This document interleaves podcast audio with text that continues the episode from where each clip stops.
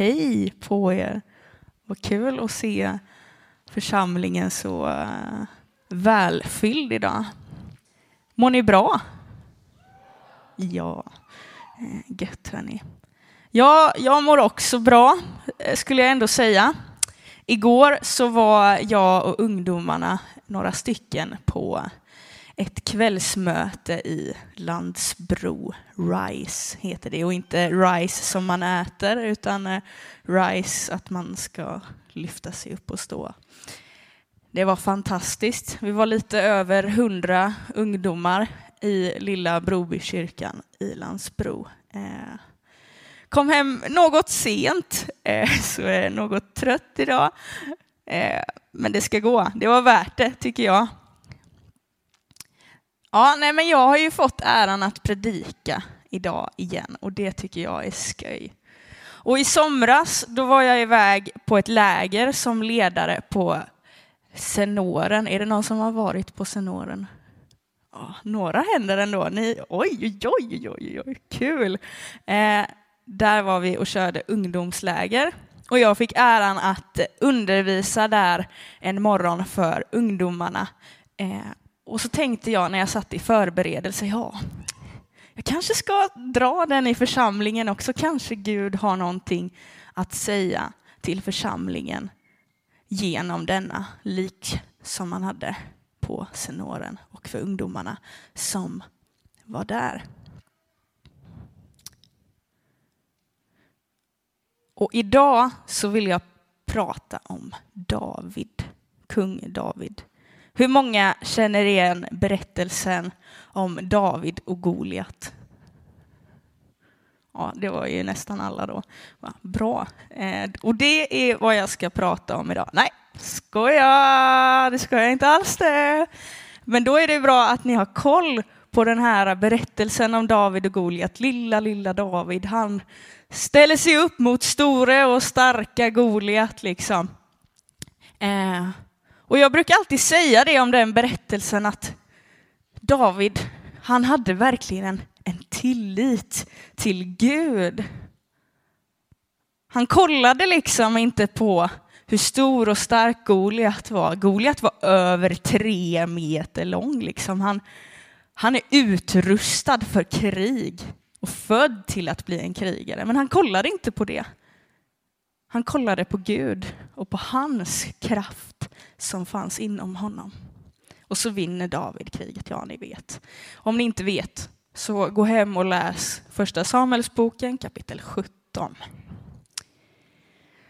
Och David han var ju minst sagt en modig person. Då va? Och han blir ju senare kung över Israel och han leder Israel till mycket mycket välgång och det går bra för David. Han är populär och Israel har aldrig varit så stort som, ja ni hänger med. Alltså det går bra för kung David. Och man undrar ju och ställer sig frågan så här, gjorde aldrig kung David fel? Hmm. Det går ju så bra för honom, men gjorde han något fel någon gång? Ja, absolut gjorde han det. Ja, en gång så klantade han till det rätt rejält om eh, jag får vara ärlig med er. Och det, det är vad vi ska prata om idag. Men innan vi gör det så ska vi givetvis be.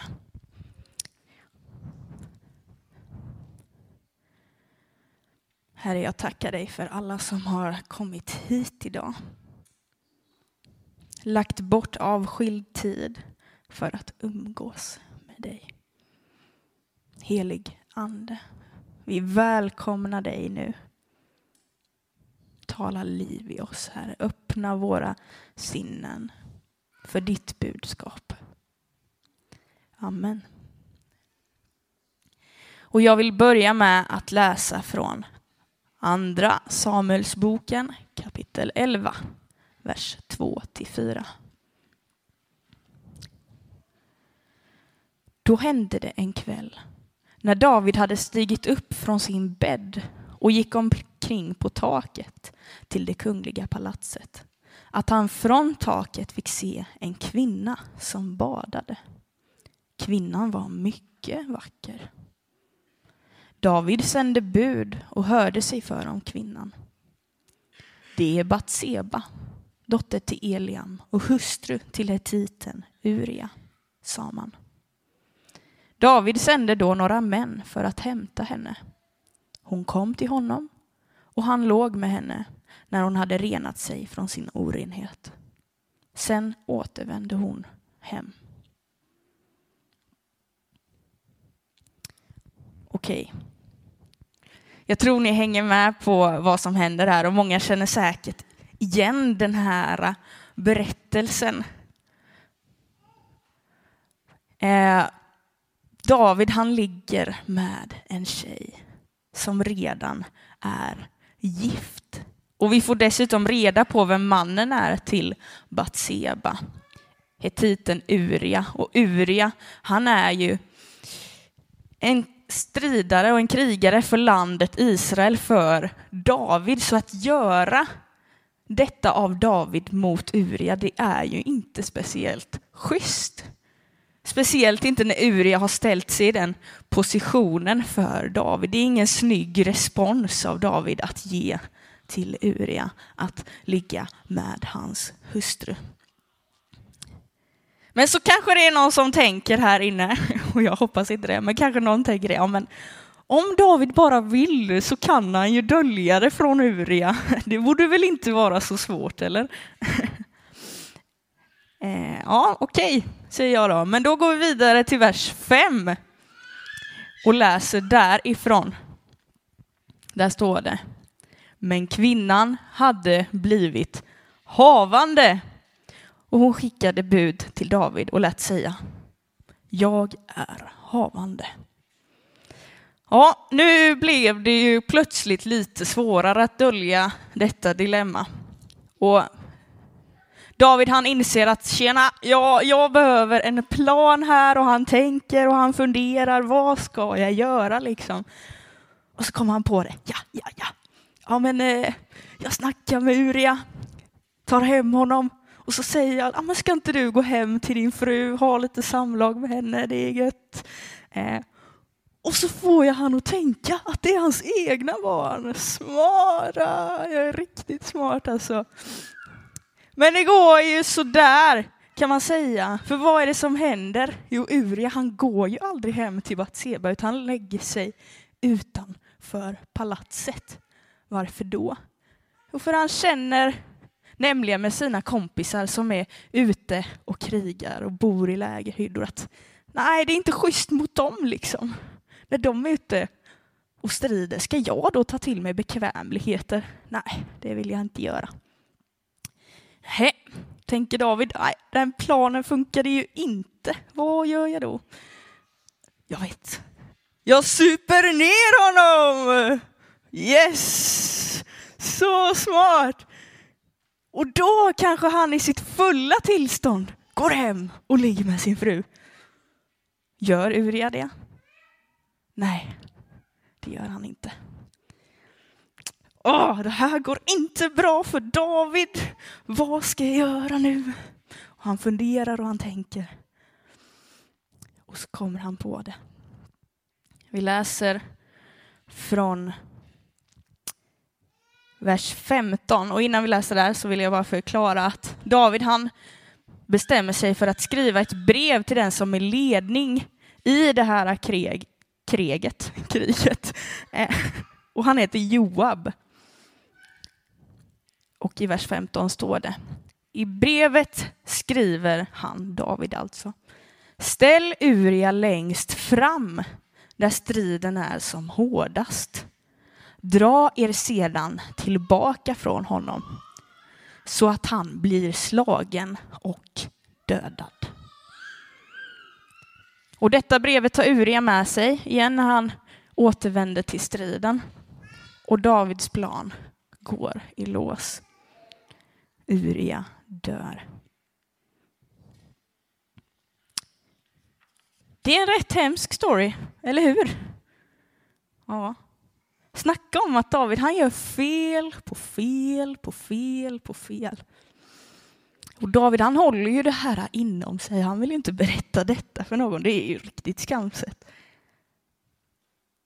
Men så kommer profeten Natan till honom. Och han säger så här i Andra Samuelsboken kapitel 12, vers 1-4.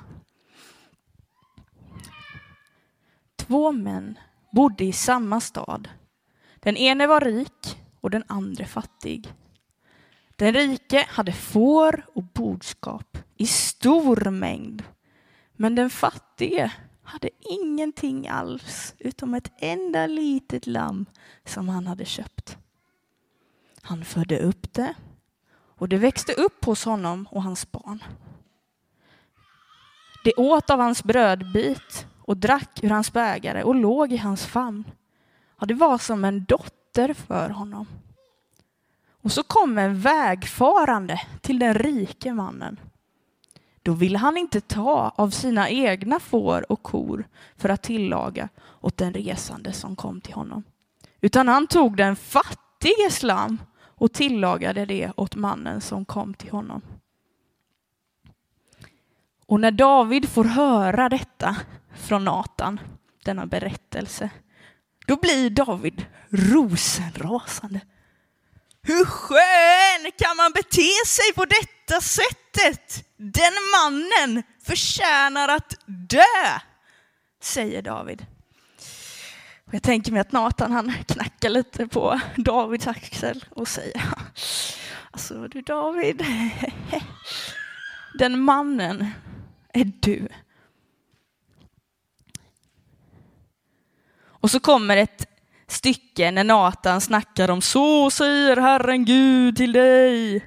Och sammanfattat så säger Nathan Gud har skänkt dig välgång i överflöd. Men ändå har du nu gjort det som är ont i Herrens ögon. Och det är inte Gud glad över. Gud, han må ju vara en förlåtande Gud. Eller hur? Och kärleksfull är han också för den delen. Men det går inte emot att Gud ibland kan bli arg. Ibland blir Gud arg och det är rätt logiskt. Tänk bara du som förälder eller du som har föräldrar. De blir arga ibland, eller hur? Men jag är så säker på att dina föräldrar älskar dig så ofantligt mycket. Och du som förälder som blir arg ibland kan känna det. Detta gör jag ju bara av ren kärlek. Liksom. Jag vill mitt barn att den ska ha det bästa.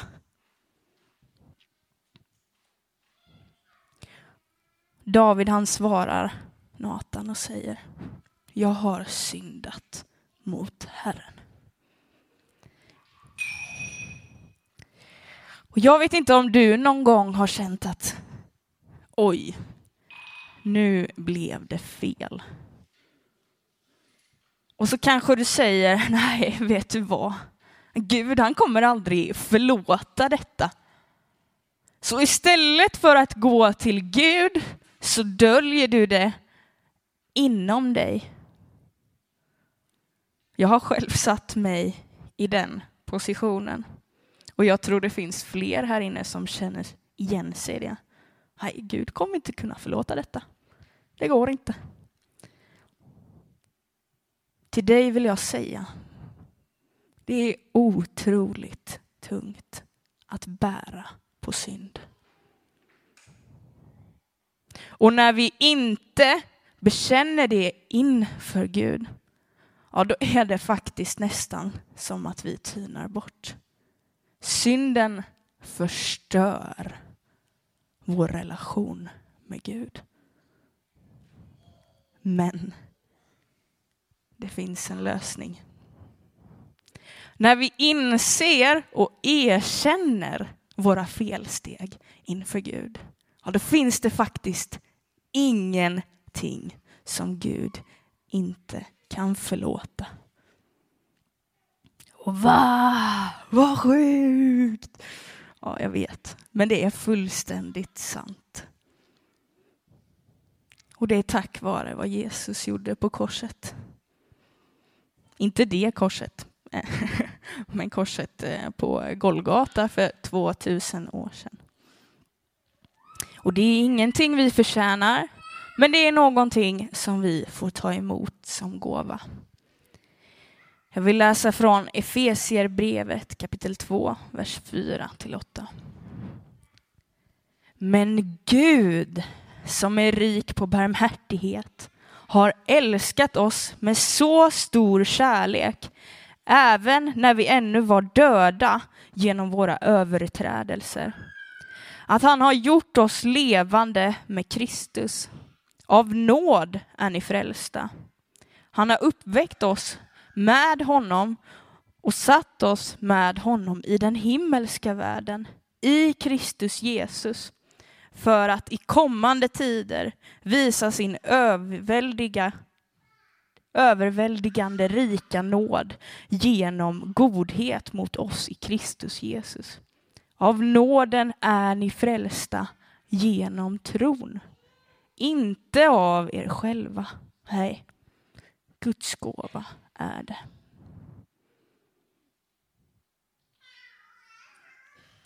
Gud älskar dig så otroligt mycket. Han vill vara nära dig. Han vill bygga en relation tillsammans med dig. Och jag hoppas verkligen att du kan våga tro på det. Du är förlåten. Fäst dina ögon på Jesus som en gammal eh, lovsång går. Och glöm inte bort vad Jesus gjorde för dig. Han tänkte på dig den dagen. Påminn dig själv om det. Finn modet att vända tillbaka till Gud. Du behöver honom.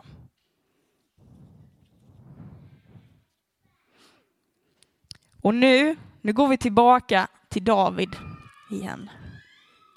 För det som sker härnäst är att David, han, han vill vända tillbaka till Gud. Han har förstått sina felsteg och han vill erkänna det inför Gud och komma tillbaka till honom. Och det, hörni, det tycker jag är mod om något.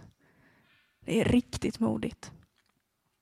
Och i psalm 51, åh, jag älskar den salmen. Där kan vi läsa om just detta när David vill vända tillbaka. Och jag har själv så många gånger använt just denna psalm som en bön över mitt egna liv. För tro mig, jag har syndat mer än en gång och jag behöver Guds nåd. Men tro mig också när jag säger att när vi vänder tillbaka till Gud så öppnar han sin famn och välkomnar oss. Vi läser från psalm 51, några verser. Gud, var, nåd, var mig nådig efter din godhet. Utplåna mina överträdelser efter din stora barmhärtighet. Tvätta mig ren från min skuld. Rena mig från min synd. För jag känner mina överträdelser och min synd är alltid inför mig. Mot dig, just mot dig, har jag syndat och gjort det som är ont i dina ögon. Därför har du rätt när du talar.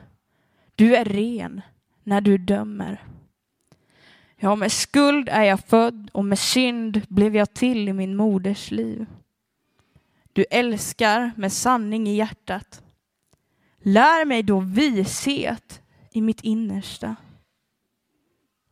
Rena mig med isop så att jag blir ren. Tvätta mig så att jag blir vitare än snö. Låt mig höra fröjd och glädje. Låt de ben du har krossat få jubla. Vänd bort ditt ansikte från mina synder. Utplåna all min skuld.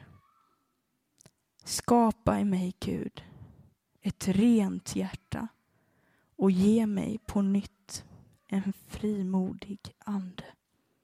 Skapa i mig, Gud, ett rent hjärta och ge mig på nytt en frimodig ande. Vi gör alla fel ibland. Och idag vill jag skicka med dig påminnelsen att vara modig och vända dig tillbaka till Gud. Och som Natan säger till David vill också jag säga till dig idag. Så har Herren förlåtit din synd. Nu skulle jag vilja att om du känner dig bekväm med det, att vi blundar. Och så vill jag att du föreställer dig att Gud, han går dig till mötes.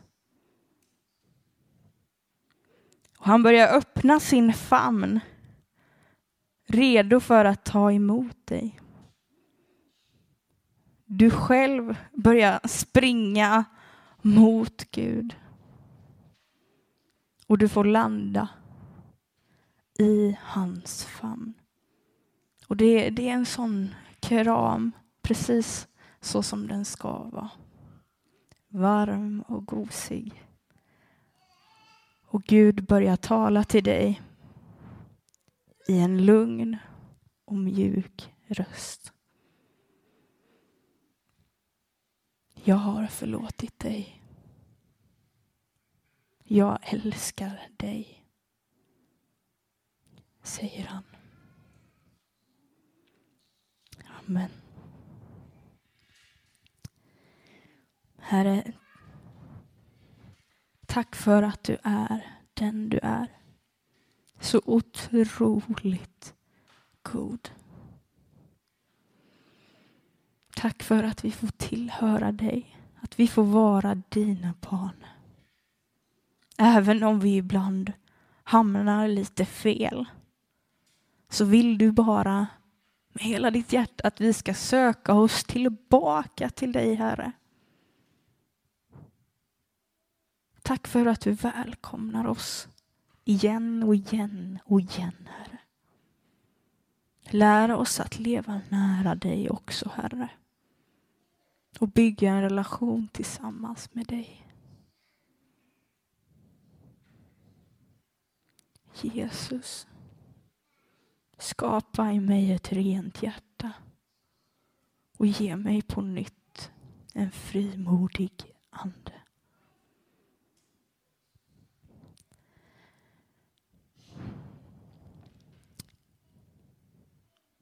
Mm. Jag har en liten tanke här. det, det kom till mig bara sådär. Vi testar det. Det finns en eh, ganska ny lovsång som har en ganska slående refräng. Och jag tänker att jag sjunger om den några gånger. Kan du den så häng på. Kan du den inte så försök hänga på efter ett tag. Så sjunger vi den refrängen. Den går så här. Lämnar min agenda, söker dig skapar plats för bara dig och mig. Mästare är upptagen av dig. Jesus, Jesus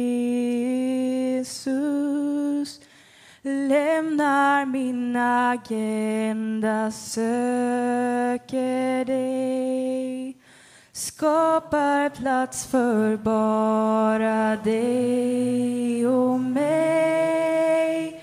Mästare är upptagen av dig. yeah.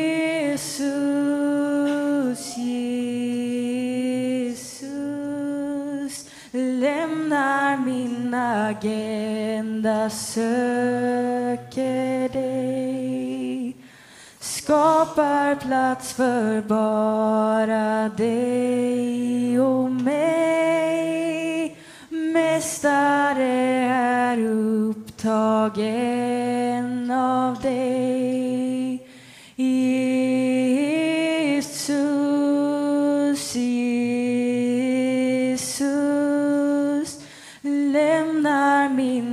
Agenda, söker dig.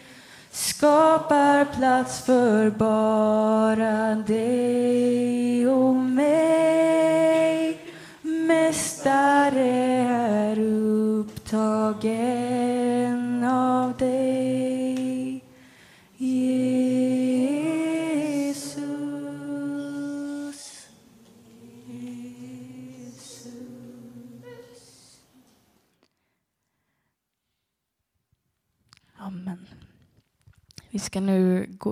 En stund av bön och lovsång. Teamet kommer leda oss i några sånger. Kristina, jag ser det inte där, kommer sitta som förebedjare där antar jag. Ja. Och det vill jag säga, ta vara på det. Att vi har en förebedjare här, det är fantastiskt. Och känna att du kan gå dit utan att känna så, åh nej, nu kommer folk kolla på mig. Ah. Gå dit för din skull och för Guds skull.